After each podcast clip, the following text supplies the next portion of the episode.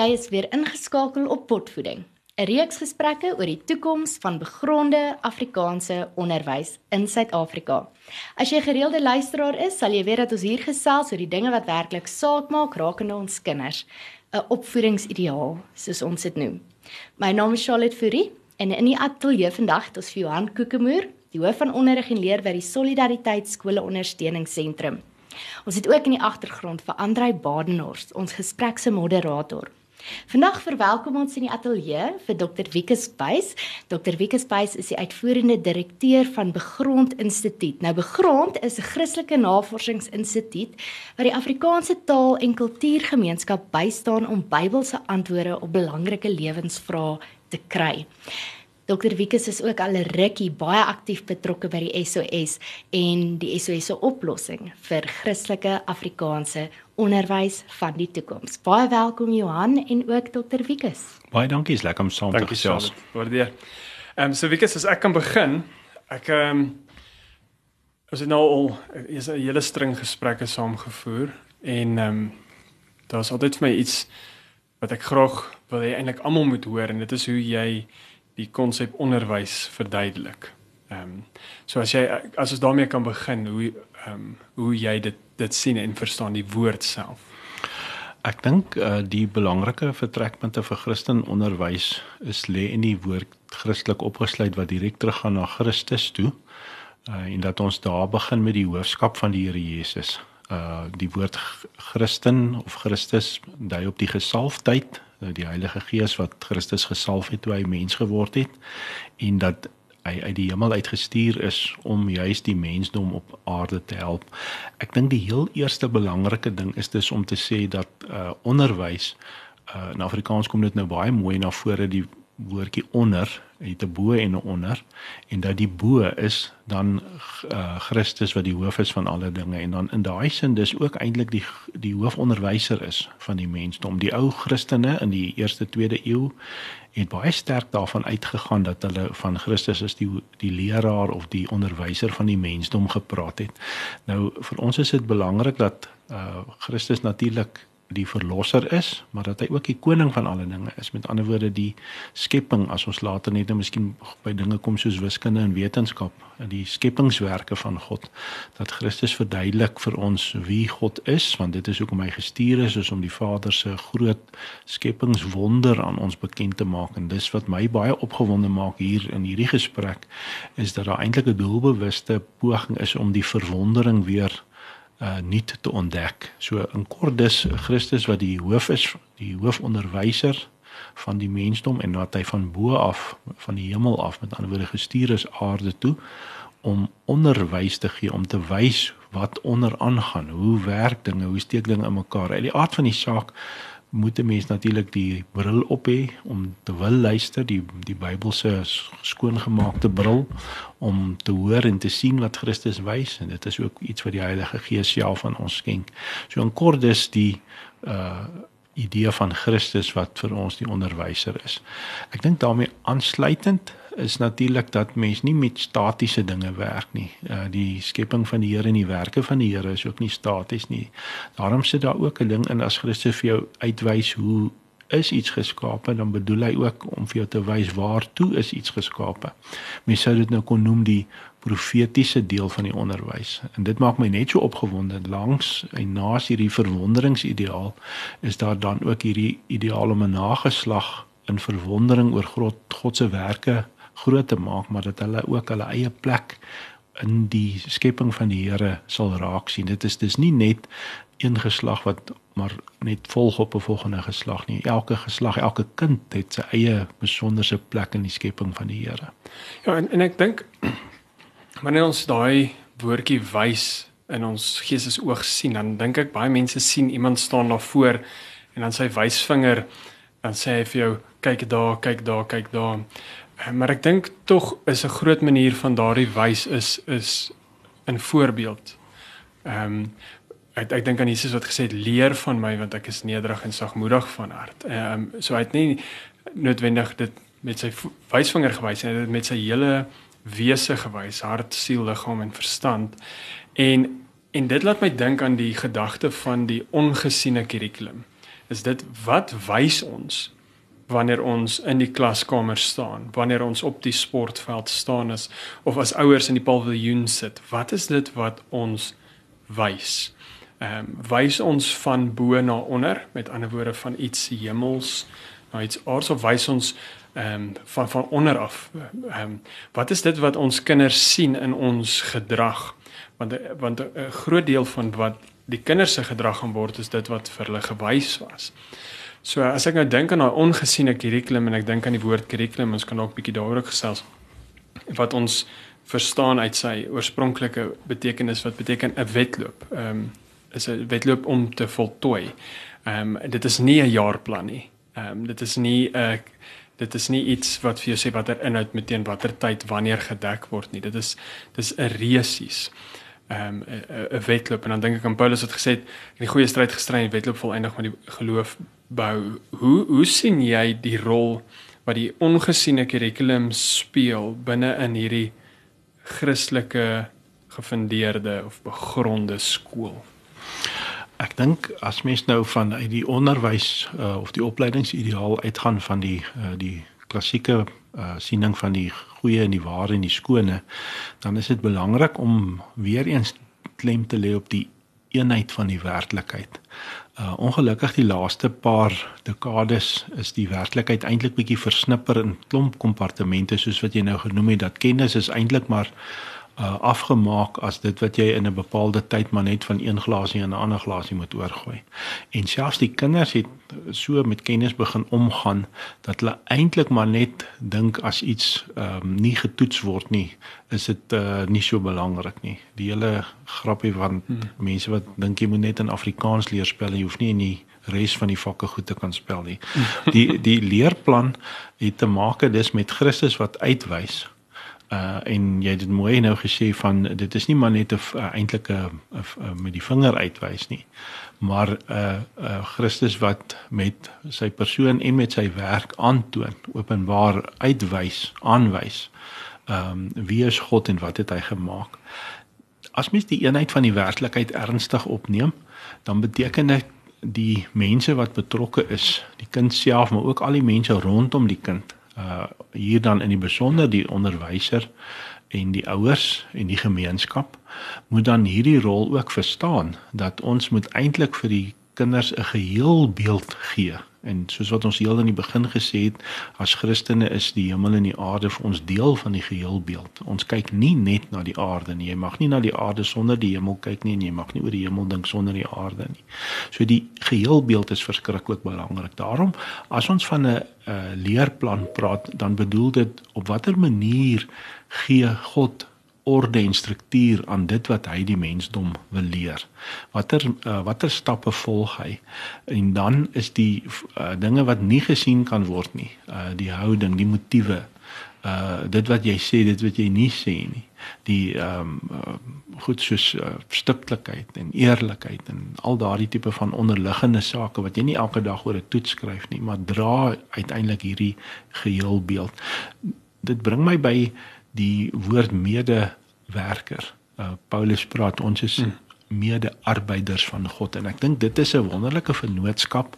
Mens kan selfs van 'n verbond praat of 'n verbintenis wat die gemeenskap met mekaar aangaan, die ouers met die skool, die skool ten opsigte van die kinders, die kinders self ook wat uh, instem en toestem en ook hulle self verbind om verder te leer om binne hierdie gemeenskap met die werklikheid as 'n een eenheid om te gaan. Die uh onderliggende kurrikulum is ook ongelukkig die laaste paar dekades so bietjie gekaap as ek nou die woord mag gebruik. Ja. Aan die een kant deur die marxiste, die materialiste, die sosialiste en aan die ander kant deur die nuwe-liberale manier van opvoeding. Maar hoe dit ook al sê, beide die maniere het die kind eintlik in 'n versnipperde wêreld gegooi van materialisme, het sy individueel of het sy in die groep. En ons moet dit herwin. Ons moet weer die werklikheid terugwen ons moet werklik weer sê dit waaraan ons leef is nie hierdie duiwehokkies of hierdie kompartemente wat die een niks met mekaar met die met die res te doen het nie. Die ontdekking van wie God is lê juis in hierdie geheelbeeld. En daarom gee die Here ook nie net die opdrag nie, maar hy gee dit ook as gawe in die besonder sien ons dit as die gawe van die Heilige Gees wat mense verskillende mense betrek om uiteindelik saam te werk om mede-arbeiders te wees om hierdie groot ideaal om God en sy werke te ontdek en jou eie plek in sy werke te ontdek. Hmm. En daarvoor is die ehm um, die kurrikulum en ook die onsigbare kurrikulum is 'n werklikheid. Ons moet ook nie maak asof dit nie bestaan nie. Ons moet dit erken, maar ons moet sê ons moet ook besef dat daar sigbare en nie sigbare ding is wat die Here ook benut in die opvoedingsgebeure. So in kort dis twee woorde. Ek dink die ehm um, die organiese geheel van die werklikheid en dan ook mede-arbeiderskap of samewerk. Maar as ek nou dink histories ehm um, as ons nou die van die groot geeste in die verlede wat rondom wiskunde of wetenskap betref sê maar soos selfs Galileo Galilei of of, of Newton As jy gaan gaan kyk was 'n groot deel van hulle rede hoekom hulle so sterk ehm um, nagespeur het was om om God te te verstaan om om om nader aan God te beweeg om om die skepping te verstaan. So hulle was konstant in verwondering wanneer die goeie die skoon en die ware. En en en as jy gaan kyk jy kan op Wikipedia ook sien dan hulle sal nooit sê daai persoon was 'n wiskundige nie. Hy, hy was dis 'n reeks goed wat hy was. Hy was 'n fisikus, 'n wiskundige, 'n skilder. Jy kan dink aan aan Churchill ook. Ehm um, mense sou dink as jy kyk na vandag se staatsamptenare en so voort, hulle is net 'n staatsamptenaar. Ehm um, en en daai gebrek aan die bewustheid van die geheel en die samehang van die geheel het in die laaste paar jare regtig weggeraak. En ek wonder of dit te doen het met die met die feit dat ons samelewings in hierdie postmoderne era ook nie meer glo in 'n absolute waarheid nie. Ehm um, ek ek hoor gereeld op die televisie praat mense van nee hierdie is my waarheid. Ehm um, en jou waarheid mag dalk verskil van my waarheid. En en en ek weet daar is 'n 'n waarheid in die sin van dit is my ervaring, maar dit maak nie noodwendig dit waar nie en en daai die die feit dat ons absolute waarheid verloor het en jy kan dit nie meer in die kurrikulum inbring nie want ehm um, polities korrektheid is is is 'n ding en so voort. So nou dink ek in terme van die skool en ek dink aan gesprekke wat ek met mense gehad het sê maar daar's nie regtig plek vir ehm um, Christen uh, Christen lewens en wêreldbeskouing by die kurrikulum nie want jy het hierdie harde fisika en biologie wat wat loodreg staan teenoor hierdie lewens en wêreldbeskouing En dan skep jy spanning en dit gaan dalk by 'n kind uh, een of ander vorm van ongeloof kweek. Um, ek dink 'n nuwe woord daarvoor, ek weet in Engels is dit scientism. Um, maar wonder ek wat sal dit in wetenskapism? Ek weet nie of dit 'n woord is nie, maar maar waar jy eintlik die wetenskap ook die as 'n geloof begin mm. afmaak en, en en mense sien dit in die in die kurrikulums, jy sien dit vandag op gesprekke as jy 'n mening lig rondom iets dan hulle sê maar is jy 'n bioloog? Kan jy daai mening maak? Ek sê nee, ek is net 'n gewone mens met common sense. Ek kan daai stelling maak. Sê hulle nee, jy kan nie want jy is nie gekwalifiseer nie en so so ons het met hierdie marxistiese gedagte wat jy van gepraat het, ons die kurrikulum half as ehm um, iets gemaak wat dit nie is nie. Ehm um, en die ouers het ingekom by die gedagte dat as my kinders net goed doen met hierdie inhoud en matriek goed kan doen met hulle punte, kan hulle universiteit toe gaan en dan gaan hulle baie suksesvol wees. En ons sien dis nie die geval nie. Ons ons sien werkloosheidssyfer neem toe terwyl die hoeveelheid mense wat universiteit toe gaan ook toeneem. Ons sien ons on, ons mense sit in werke wat hulle glad nie geniet nie. Ons sien um, geestesversteurings toeneem. So so tog op die lang duur is hierdie verabsolutering van die inhoud nie goed nie. En ehm um, net om by jou by jou buitevoeg Johan die kurrikulum een van die uitkomste sê duidelik om sodat die kind nie 'n lewens- en wêreldbeskouing in die skool ontvang nie, nie 'n bril ontvang waardeur hy na die inhoud kan kyk nie, maar sodat hy dit alles kan ervaar en dan nou op die ou ende vir homself besluit. Ehm um, wat is die bril wat hy dan nou wil opsit? Maar so ook kom die kurrikulum wat geskryf is met 'n spesifieke doel en sê, okay, maar hierdie is eintlik die bril wat ons wil opsit vir die skrywers se bril opgehaal toe hulle ja, skryf. Ja, so hulle het hulle het die inhoud geskryf met 'n spesifieke bril, maar hooplik is die uitkoms dat die kind dan nou self net sy bril kan kies éventueel hier op skool en dan nou hoop die ouers nog hulle stap as Christene uit aan ja. die einde van 18 jaar. So so, so dit maak met en eintlik my vraag met al daai hardop gedinkery is ehm um, as mens nou 'n saak moet maak vir 'n 'n 'n kurrikulum en 'n skool wat begrond is in 'n Christelike en lewens Christelike lewens en wêreldbeskouing. Ehm um, hoe sal hoe sal jy daai saak maak? Want mense sou nou dink ouers wat nou meet op op matriek uitslaa en en provinsiale klere in sport en so en dit is tans die groot fokus. Ek weet, weet nie hoe groot gaan ons hulle kry om in te koop nie. So wat is saak sal jy maak vir dit? Ek dink daar's 'n paar lyne wat uh saam inspel. Uh ek ek lig net eers 'n paar uit. Ons ons leef ongelukkig in 'n tyd waar godsdiens geprivatiseer is. Uh met ander woorde dit die punt wat jy nou gemaak het van dit is maar my waarheid. Hmm. Uh en dit hoef nie noodwendig met iemand anders in ooreenkom te kom nie. Nou die skrif is baie duidelik daaroor. Die Here Jesus sê ek is die weg, die waarheid en die lewe. Met ander woorde ons moet daai ou um tradisionele wortels binne die Wes-Europese Christendom weer herwin uh, en weer duidelik stel dat daar is nie so iets soos 'n geprivatiseerde godsdiens nie. Met ander woorde, die feit dat jy in jou hart persoonlik die Here dien, beteken nie dat jy dit noodwendig afsluitend doen met ander mense nie. Want die uh ekstreme individualisme wat die laaste paar dekades ingekom het, het daar uh breek gemaak. Um, hmm. Ek dink die bintenis, die verbintenis in die gemeenskap het uh daar skade gelei. As ons nou 'n woord daaraan moet koppel, dan sou ons kon sê die verbond het in die slag gebly. Dit wat die Here aan mekaar gebind het homself en sy skepping en die mense onderling het bietjie versplinter geraak. So ons sal dit moet uh, sensitief wees voor. Die tweede ding is ek dink die opkoms van die nasiestaat het uiteindelik gedink om goeie burgers vir hulle self te kweek. Uh, met mm. ander woorde die opvoedingsideaal van die nasiestate was iets en is iets heeltemal anders as wat die Christendom tradisioneel geken het en ook dit waaroor ons nou hier praat vandag. Ons sluit aan by die Wes-Europese Christendom. Baie ryk en diep is en dit is nie spesialisasie ten koste van die eenheid nie. Met ander woorde ons glo wel iemand moet 'n kenner wees uh, om iets te kan sê, maar die feit dat jy nie noodwendig 'n doktorsgraad en iets het nie, beteken nie jy het jou jou algemene kennis verloor nie. Hmm. So ons praat dus om te sê die eenheid binne die werklikheid is belangrik, maar die opvoeding gaan nie net daaroor ook maar nie net daaroor om burgers te kweek vir 'n nasiestaat nie. Die ou lyn uh, Augustinus het dit al baie mooi uitgelig, skepping, sondeval en verlossing. Ek dink dit is 'n waardevolle lyn om te behou in die in die onderwys en die eerste woordjie dan van skepping sal dus wees om dan ook te onderskei tussen skepper en skepping.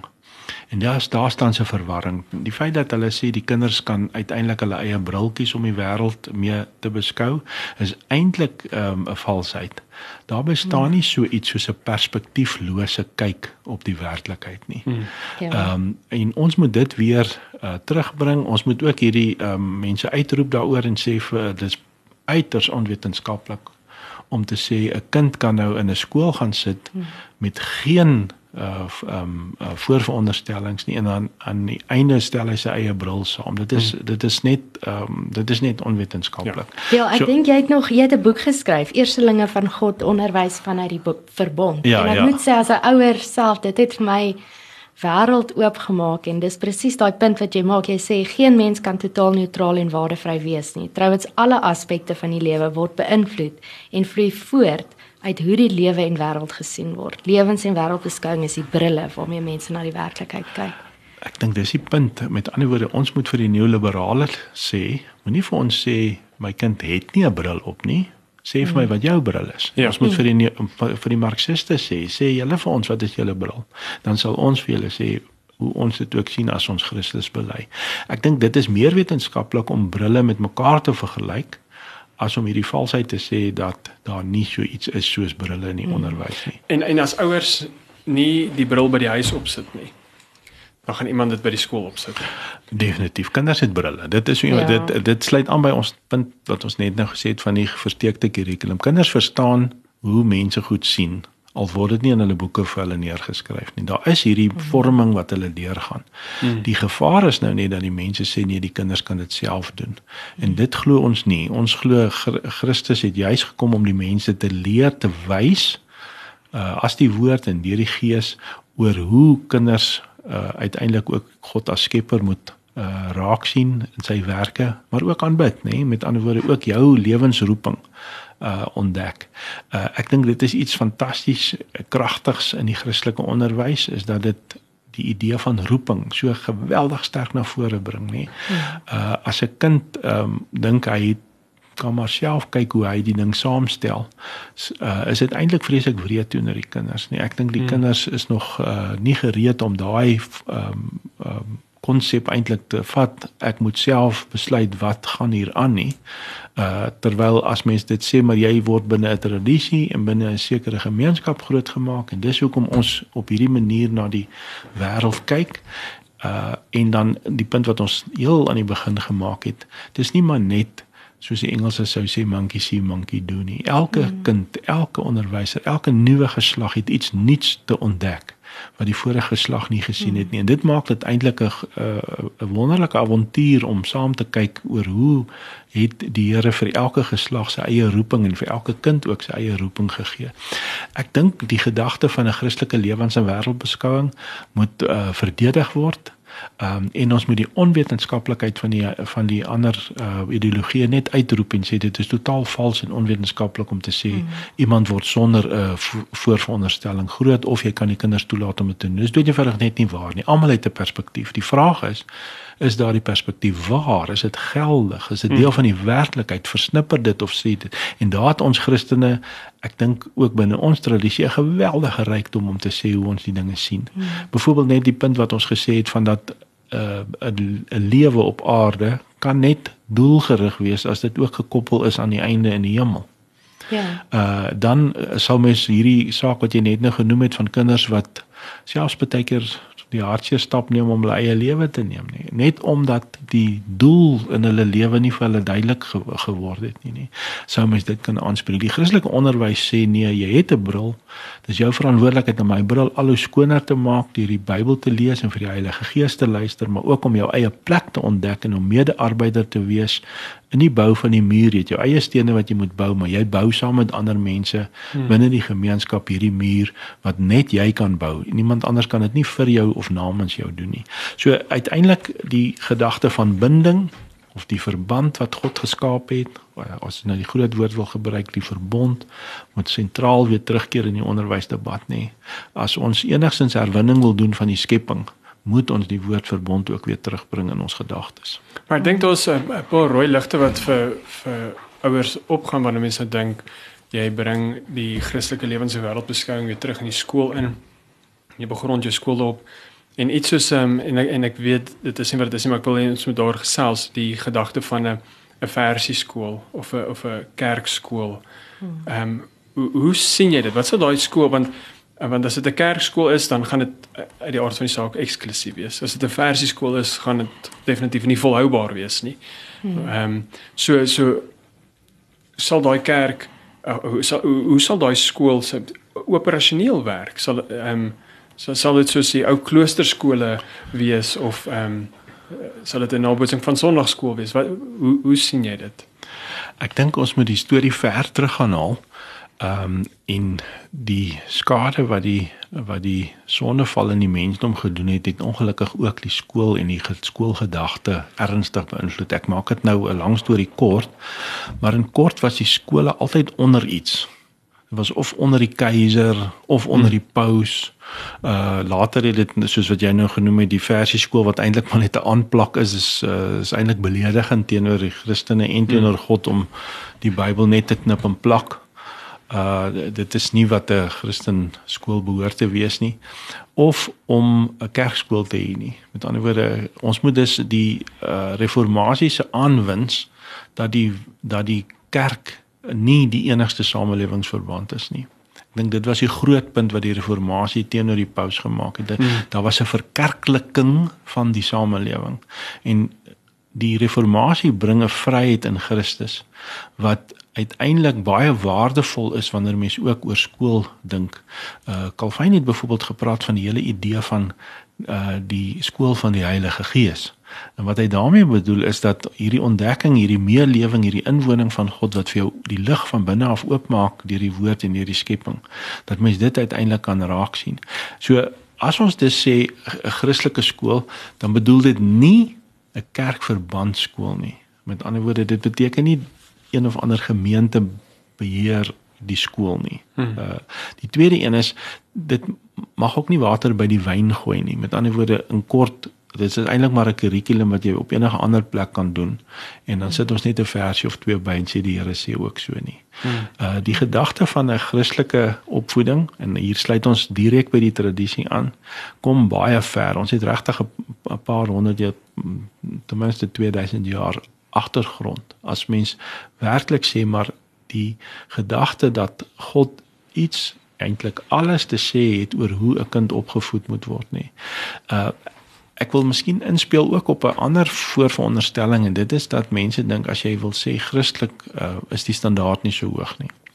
En jy het net nou verwys na Newton hulle en, hmm. en uh, die die tradisie sê weer eens net mooi die teenoorgestelde. Hmm. Die mense wat werklik erns gemaak het uh ook met die uh met die transcendentele met die met die openbaringsaspek is eintlik wat die wat die ontdekkings ook in 'n groot mate raak gesien het. Mm. So die die feit dat jy 'n Christenskool het beteken nie jy mag en moet enigsins jou standaard prys gee nie. Inteendeel, ja, 'n uh, uitmuntende skool is uiteindelik ook gerig om vanuit sy Christelike basis opwaarts uh te dink. Ons het net nog gepraat van onderwys, maar daar is ook 'n boontoe gaan 'n uh, aanbiddelike hmm. element om werklik ook dit wat waardig is aan God vir die kind te leer en te wys. So die gedagte van uh die ehm um, die die grootsheid van die idee dat Christus die hoof is. Uh Paulus is baie duidelik daaroor in Kolossense Efesiërs dat hy is die hoof van alle dinge en as sodanig is hy aan die kerk gegee. Dis 'n belangrike onderskeid nê. Paulus sê nie Christus is die hoof van die kerk en daarom is hy die hoof van alle dinge nie. Mm. Hy sê net mooi die teenoorgestelde. En uh, die reformatie het daai bevryding gebring. Ek dink die laaste deel veral um, na die tweede vry ag tweede wêreldoorlog het daar baie emansipasie gekom losmaking van die kerk en eintlik ook losmaking van God en dit was 'n uh, 'n uh, ontkoppeling van die skepping en die skepper. Uh en dit bring ook maar geweldig baie uitwasse mee soos wat ons nou reeds uh ge, gepraat het. So in kort dus 'n Christelike basis vir 'n skool beteken nie 'n kerkskool nie hmm. en dit beteken nie 'n nagemaakte aangeplakte uh een versie vir ietsie net by 'n lesie of 'n of 'n maandagoogendopening nie. Nee, dit is 'n totale kyk op die werklikheid uh die meelewing van die kinders, die meelewing van die onderwysers en die ouers hmm. om hierdie projekte voltooi in samewerking met uh, mekaar uh, om uiteindelik ook die volgende geslag voor te berei om diensbaar te wees vir die Here. Ja, ek ek dink aan sinema op sonoggendene dan vir al die kinders gaan ons kerk toe en sê ek nie ons gaan saal toe. Ons is deel van die kerk. Ja, ja, ja. En um, nou dink ek in terme van van die skool. Vir al die kinders gaan ek skool toe. En en ons het nou so ver met die pad afgestap dat ons sien die skool as net die gebou op die terrein wat gesetel is in die posisie wat nou op Google Maps staan. Dit is waar die skool is. En enigiets daar buite is nie skool nie. En maar as ek nou dink tradisioneel, ehm um, en ons kan ook op die definisie van die woord skool gaan, ehm um, dit is 'n plek waar waar onderrig plaasvind. En en dit sou hartseer wees as die enigste plek waar onderrig vir 'n kind plaasvind by 'n fisiese ligging is op 'n terrein in 'n klaskamer. Nou dink ek toe ek groot geword het, nou ek in die platteland groot geword, so ons was 'n paar jaar agter. Ek hoor die vorige generasie het uh, hier in die stad, het die vorige generasie groot geword soos wat ek groot geword het in, in die platteland. Maar daar was jy deur die gemeenskap geskool. Hmm. Ehm um, as jy in die straat iets gedoen het wat nie reg was nie, dan het iemand ehm um, jou berispe of dit nou daai persoon hoef nie familielid te wees nie. En hier in my hoërskool jare toe dit begin wegraak. Maar ek onthou baie goed in my laerskooljare, as jy by 'n maatjie ook gaan kuier het, dan ehm um, my ouers as hulle dit toegelaat het dat ek by daai persoon kan gaan kuier, dan het hulle ook die uh die opvoedingstaak oorgedra aan daai ouers en gesê, "Goed, jy moet seker maak my kind tree reg op en as dit nodig is om te straf, straf hom." So ek ek het al pak slag gekry by baie plekke anders as net by my ouers en ek sê nie dis reg. Uh, wat ek sê is die gemeenskap was deel van die skool.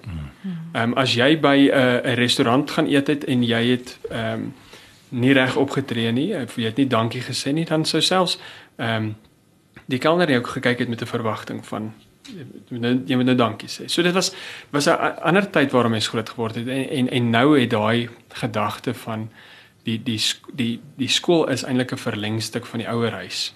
Met ander woorde, die skool is 'n gemeenskapsinstelling wat deel vorm van die onderrig en leer van 'n kind, maar dit is nie die enigste bron waar onderrig en leer plaasvind nie. Ehm um, dit het so 'n bietjie weggeraak. So so wat sien jy is die die rol eintlik van 'n gemeenskap binne in so 'n skool met 'n Christelike lewens- en wêreldbeskouing? Ek dink die belangrike vertrekpunt is weer eens ehm um, wanneer God die mensdom skep, dan gebruik hy die woord ons om na homself te verwys. Die Vader, die Seun en die Gees laat ons mense maak na ons beeld en ons gelykenis.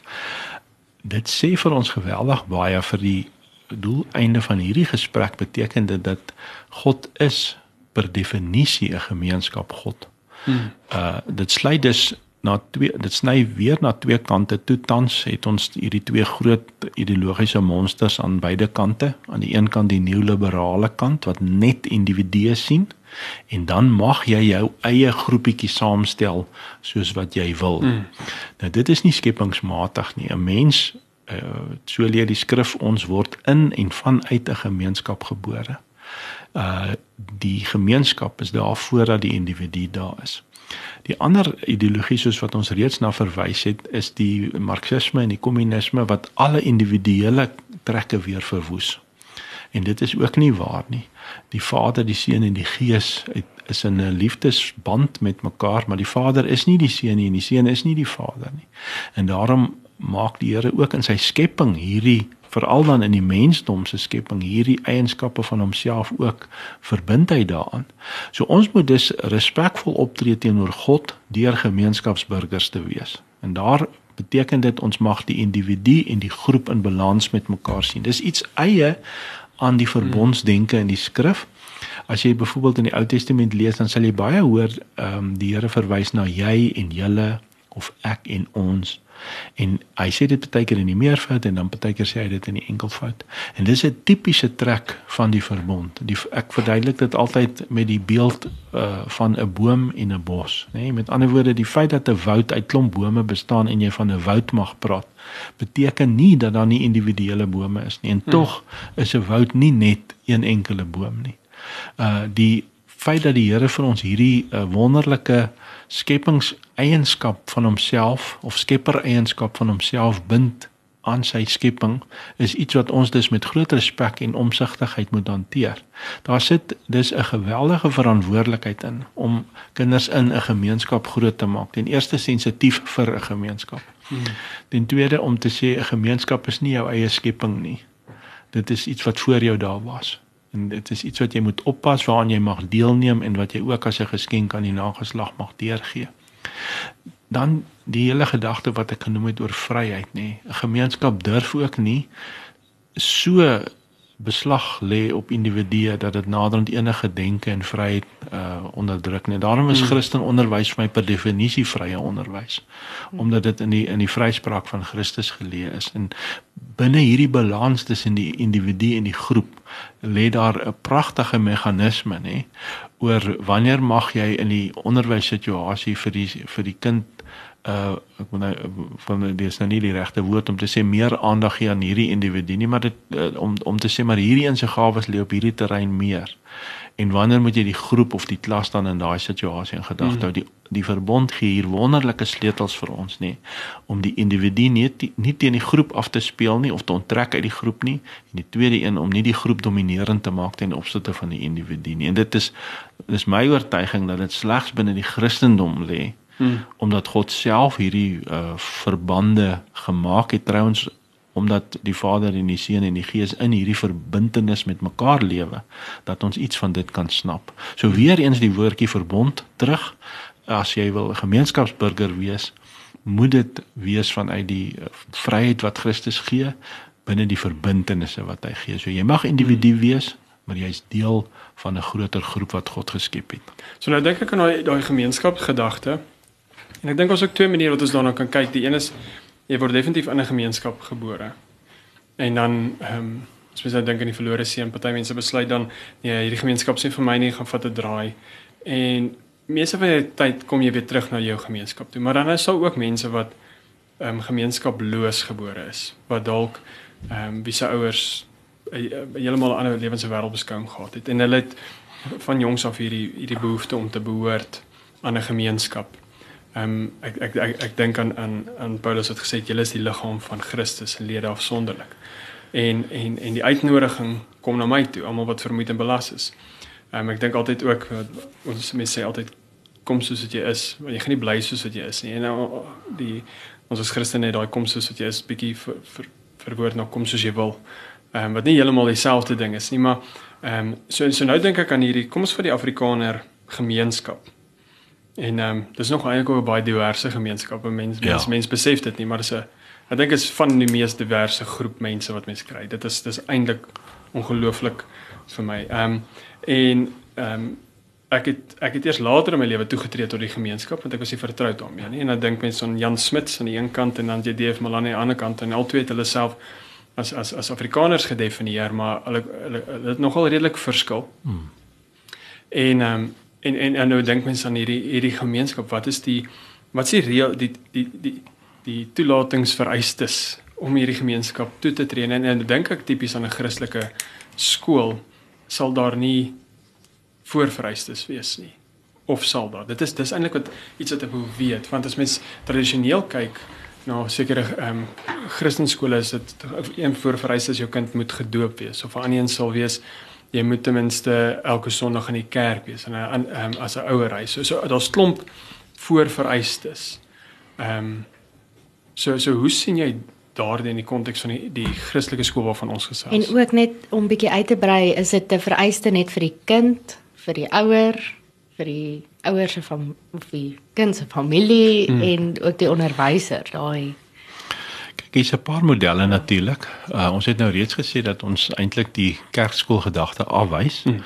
um, en dan ook die nasiestaatskool uh uit die aard van die saak.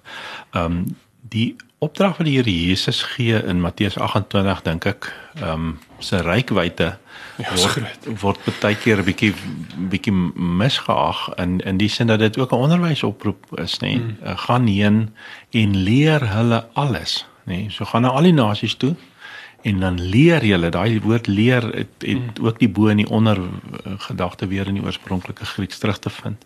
So ons het dit ongelukkig uh, miskien net 'n sending ding gemaak of 'n katkasasie ding gemaak. Mm. En dit moet dit wees.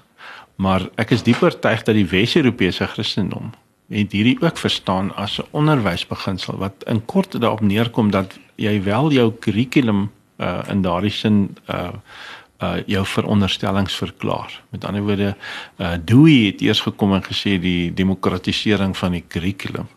Nou as Christen dink ek nie mens moet stem oor die waarheid nie. Mm -mm. Ek dink jy moet op 'n ander Waarheid is nie 'n demokrasie nie. jy moet dit op 'n ander manier op uh, dis 'n ander gesprek, maar die punt is nie die demokratisering van die onderwys het deur Dewey gekom nie. En dit het ongelukkig daartoe gelei dat die meerderheid bepaal dan wat hulle as die waarheid ag en wil ag, terwyl mm. ons sê Christus is die waarheid. So uh, ek dink dit sal uh, dit sal 'n uh, goeie model kan wees om dit 'n oop uh, uitreikende model te maak in die sin van ons vervul die uh, opdrag wat die Here Jesus gee met ander woorde gaan heen na, al, na alle mense toe en leer hulle.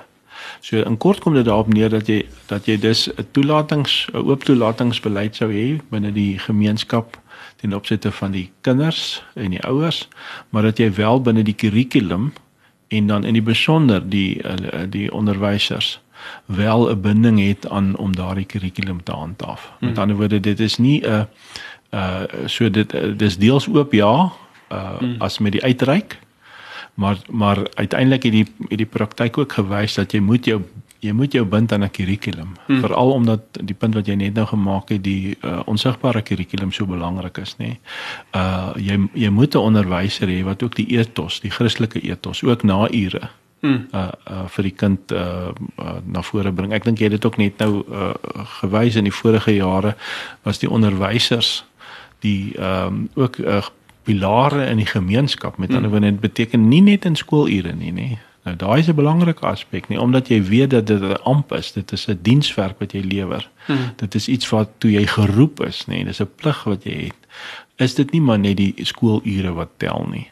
So in kort dus in die in die kurrikulum en en of ten minste dit nou met 'n franchise model maak of met 'n ouer skool moet maak nou nie saak hoe die detail uitwerk nie. Ek is 'n voorstander van 'n franchise model. Uh wat uiteindelik sê dit is wat ons gaan aanbied. Ons het dit op 'n Christelike basis ontwikkel en ons rol dit vir almal uit. Hmm. uh as jy deelneem is dit die manier waaraan jy deelneem. Uh daar's vooruit voor die tyd duidelik vir almal dit gesê. Uh maar die die bestuurders van die kar die onderwysers in die besonder moet hulle inbind om dit te handhaaf. Anderster gaan jy net wild groei. Dit eh, die die dit is eintlik logies, nê, nee, dat jy jy kan nie ehm um, jy kan nie sê ek is teen dit dat iemand hulle eie brille saamstel nie behalwe as dit by die onderwyser kom. Jy moet ergens 'n binding hê en dis nou weer die woord verbond.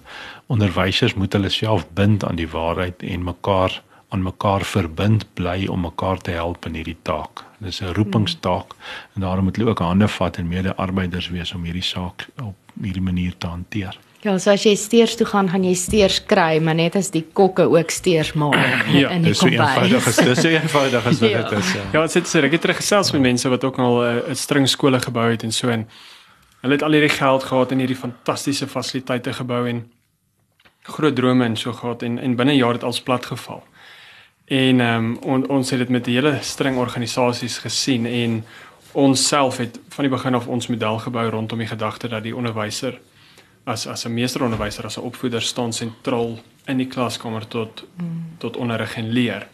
En en in in in die begin het ehm um, was dit nie 'n gedagte wat baie populêr was nie want die samelewing wil hê die kind moet sentraal geplaas ja. word. Ehm um, van die baie jonger ouers wil hê tegnologie moet sentraal. So as heeltyd iets anders wat sentraal geplaas word. Nou wanneer jy dan sê die opvoeder staan sentraal, dan sê dit is sy dit is sy primêre taak om om dan te verseker dat daar onderrig en leer plaasvind. Maar so jou eerste die eerste ding wat jy in plek moet kry is is opvoeders. En dan kan jy oor oor die res oor met die regte opvoeders kan jy 'n baie suksesvolle skool onder 'n 'n vrugteboom bou. Ehm um, en en jy kan kinders kweek wat regtig 'n verskil gemaak. Mense dink aan tradisioneel hoeveel kinders van die plase afgekom het wat vandag reuse pilare in die samelewing is. Maar wat 'n ou klein plaaskooltjie skooltjie was wat multigraad was met een swart bord, maar die onderwysers op daai plaaskole soos wat ek verstaan is is en hulle het geglo hulle is in die beste skool ooit, nee. Absoluut. Mm. Ja. Absoluut. Ja. En daai ehm um, ek het nou nog met 'n prof gesels wat wat 'n studieleier was ehm um, vir my en ehm um, die manier wat hy praat oor sy plaaskool onderwyser. Ehm um, ek het ek het drome en van ons fantasie oor hierdie tipe onderwyser. Net net oor hoe hy praat van hierdie persoon. Ek het dit persoon nog nooit ontmoet nie. Maar dit is iemand wat die onderwys sien as as 'n roepingstaak en nie bloot as iets wat vir my uh, salaris gee en wat vir my kos op, op op my tafel sit nie. So so daai gedagte dink ek is iets wat fundamenteel staan tot die sukses van 'n 'n skool wat begrond is binne Christelike lewens en wêreldbeskouing. Ek dink ek dink hier is dit belangrik jy het eintlik reeds aangesny om te te onderskei tussen bekwam en bevoeg, hmm. nee. Uh ongelukkig het die laaste ruk het die mense eintlik net uh klem gelê of onderwyser bekwam is. Het jy die graad, kan jy die wiskunde aanbied? Het jy nou kennis in jou vakgebied? Hmm. Terwyl die saak wat jy nou aanspreek gaan oor roeping. Met ander woorde dit gaan oor bevoegdheid nê. Het jy die het jy die verbintenis gemaak uh teenoor die Here maar ook teenoor jou medemens hmm. dat jy 'n onderwyser sal wees en nie maar net 'n uh, 'n werk het waarvoor jy 'n salaris kry nie. 'n Roeping is meer as dit. 'n uh, 'n roeping is iets wat die Here jou aangestel het en en jou bekwaamheid 'n plek gegee het. So jy moet bekwaam wees, jy moet gestudeer hê, jy moet jou vakgebied ken op 'n hoë standaard trouens ons voel as Christene behoort ons amper op die voorpunt te, te wees. Maar sonder hierdie roepingsbevoegdheid is dit eintlik uh betekenisloos. Dit maak meer skade. So bekwaamheid en bevoegdheid weer eens binne die binding rondom die opdrag wat die Here gee om 'n geroepe onderwyser te wees. Ek dink die groot krag binne die Afrikaanse gemeenskap nog steeds ten spyte van so baie dinge wat verkeerd is, is die geroepe Afrikaanse onderwyser. Hmm. Dit was in ons geskiedenis nog altyd so. Professor Gilome het in sy uh, skrywe oor die Afrikaner se geskiedenis aangetoon dat die ja. groot suksesse, die onderbou van dit was die Afrikaanse geroepe onderwys. Mm. En dit moet ons weer herwin. Ons moet dit weer terugbring en gelukkig is daar baie kole. Ons moet net so 'n bietjie uh, dit aanblaas, die vlamme sal weer uh, kom staan want by verre wil die meeste Afrikaanse onderwysers werklike geroepe verskil maak mm. in in in die onderwys. Ongelukkig is hulle op 'n boot van 'n nasiestaatskool die meeste van hulle wat hulle eintlik onderdruk en beperk en in 'n rigting indruk as ek nou maar net tyd hoeveel tyd gaan in portefeuilles in. Nee, wat eintlik maar net 'n manier is om seker te maak almal doen dieselfde werk, maar as jy die onderwyser vertrou het dat hy bekwam en bevoeg is om die kinders uh, te leer, dan het die onderrigtyd daarin gegaan. Uh, die marxisme het ons baie skade gedoen uh om onderwysers in blokkies en vakkies te gooi waar hulle nie vertroude mense geag word om die on, die kinders uh, te leer en te onderrig nie. Ja, dis is absoluut waar. Ek dink aan 'n skool by wie ons 'n projek gedoen het wat ehm um, stadig maar seker besig is om ehm um, uh, een eentemal die manier wat hulle onderrig en leer dit pas in by die skool bietjie om te keer, dit te begrond en so meer en ehm um, een van die ouers het toe hulle kinders uit die skool uitgehaal en die hoof het met die ouer gesprek gevoer en gevra wat se rede en so. En die ouers se uh, antwoord was die onderwysers is nie opgelei om hierdie soort onderrig en leer te laat plaasvind nie. En dit is dalk waar, dit is 100% waar. Die onderwysers was nie tersiêr opgelei om kringonderrig byvoorbeeld te doen of vervleg te leer of hmm selfs ehm um, begronding, Christelike begronding met hulle kurrikulum te sit nie en ja, en samehang. Ja, dit hulle was nie daarvoor geleer nie. So ja. so die die die ehm um, dit wat die ouers op prys stel is is opleiding. Hoe goed gekwalifiseerd jy is. En en nou gaan kyk jy die gemiddelde skool veral jy nou in Pretoria sal nie sommer iemand aanstel met 'n BA graad nie. Hmm. Hulle wil net engos mense het wat reeds 'n ander graad het. Ek het nou eendag 'n advertensie gesien vir 'n vir 'n wetenskappos, dit moet 'n BSc gekwalifiseerde persoon met 10 jaar ervaring in die in die wetenskapwêreld hê mm. om te kom skool gaan. So so, so daai daai behoefte na daai spesialisasie, mm. na opleiding. Maar my bekommernis is dat dit dalk soms ten koste van opvoeding is. En en ek stem saam as jy 'n briljante persoon uit die industrie kan kry wat geroep is eintlik vir onderwys mm. en jy kry hom in die klaskamer en hy is bekwam en bevoeg hy kan onderrig en opvoed, dan dit is die beste wat jy kan.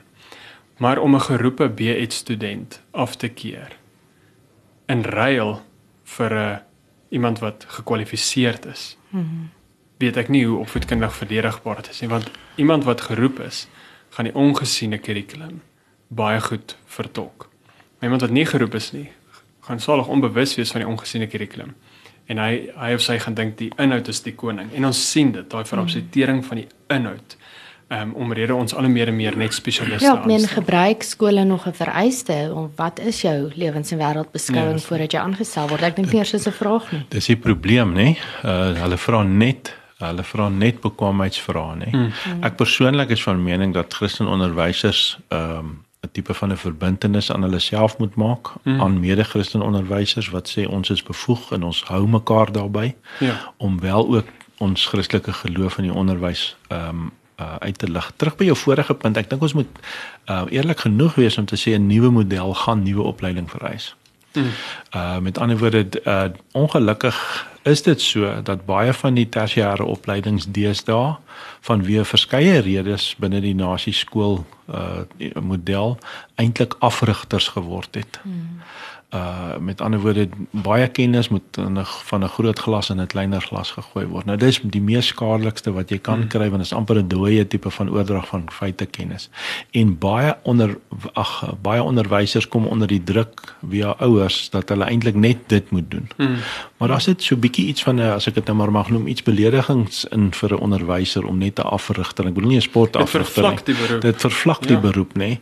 Uh en dit is ook een van die redes hoekom die ehm um, huidige siening van onderwys is nie so goed nie. En hmm. daai moet ook weer herwin word. Dit is 'n heilige beroep, dis 'n edelberoep nie. Dit het 'n uh jy werk met die toekoms, nê. Jy werk met Ja, jy moet jy, jy werk met jy werk met hmm. uh, um, uh met op heilige grond as mens dit hmm. in in Bybelse taal wil sê.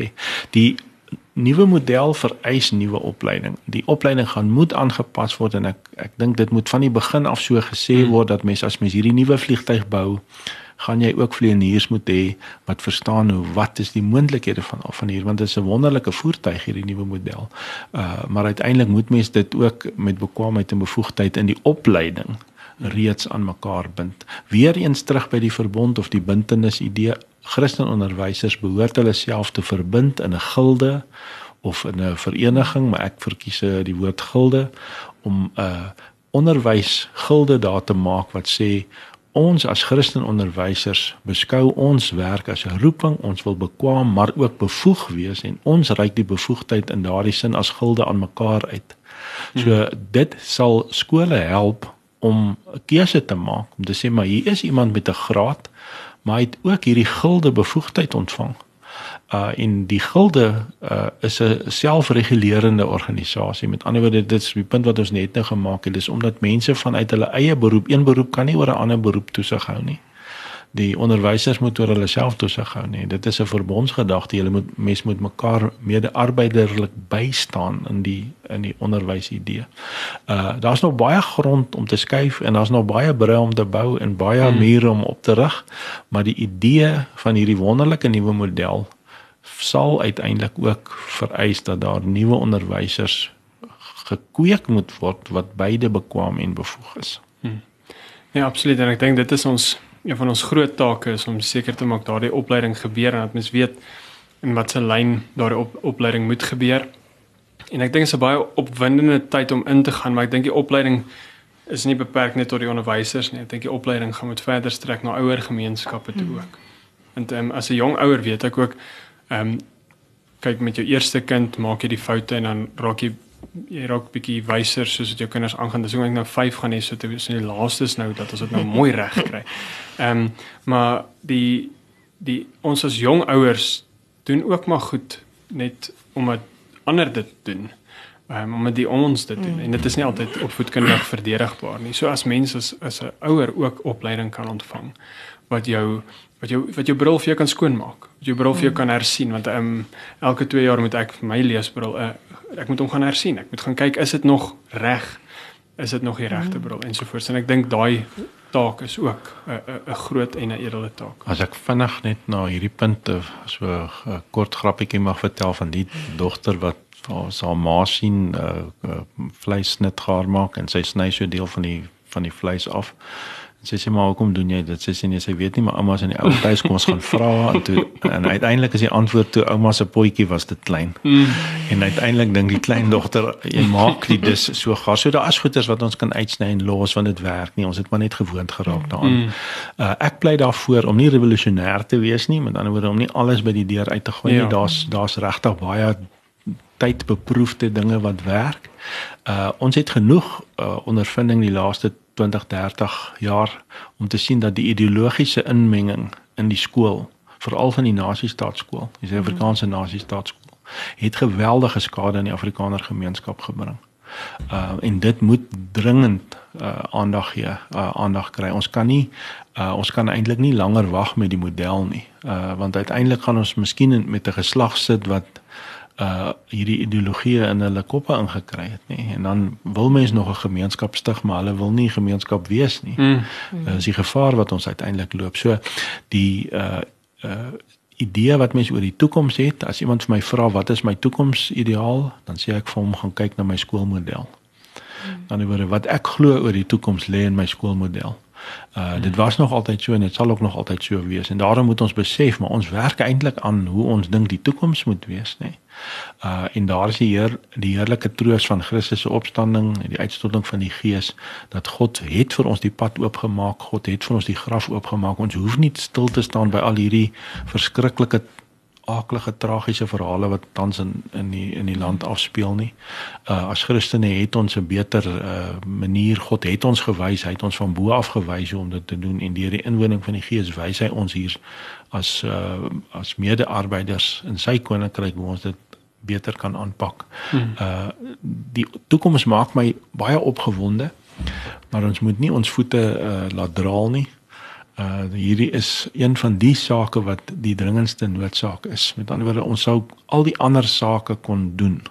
As ons hierdie een nie reg doen nie, het ons geen geen skuif positief in die toekoms gemaak nie. Of laat ons dit positief stel. Die een enkele ding wat moet gebeur is dat die Afrikaner kind moet in 'n nuwe model buite die nasiestaatskool mm. uitgelei word, 'n tipe van 'n eksodus, 'n tipe van 'n uitleiding. Uh dit moet uh, op 'n finansiële haalbare model gedoen word, maar ons moet ons kinders red uit hierdie Egipte van mm. van uh ideologieë wat hulle koppe steel. Uiteindelik kan dit wees dit het ongelukkig in Suid-Amerika gebeur en ander ehm um, sosialistiese lande dat die Christenouers te lank gewag het en toe hulle verwag het dat die kinders moet uh, die Here weer aanbid en wees soos wat hulle is, toe kom hulle agter die kinders glo nie meer dit nie. Hmm. Kinders het heeltemal 'n ander idee. En daarom moet ons nie ons kinders offer aan hierdie aan hierdie afgode en aan hierdie ideologieë nie. Eh, dit hmm. klink nou rof om dit te sê, maar dit is 'n wese wat dit is, nê. 'n Kind is jou jou toekomsverwagting. Hmm. Jou kleinkind is jou toekomsverwagting en daarom moet ons almal saamwerk, hard werk uh, genoeg gawes, tyd en energie en geld gee sodat hierdie opleiding en hierdie model 'n sukses is. Ons moet dis ook al die vrese bespreek, die mense saamvat met mekaar, maar uiteindelik is dit uh, een van die kritiese punte sonder hierdie model, sonder hierdie nuwe onderwys of gemeenskapsonderwysmodel gaan al die ander projekte nie slaag nie. Hierdie is die sleutel wat al die ander oopsluit. So, dankie Wikus.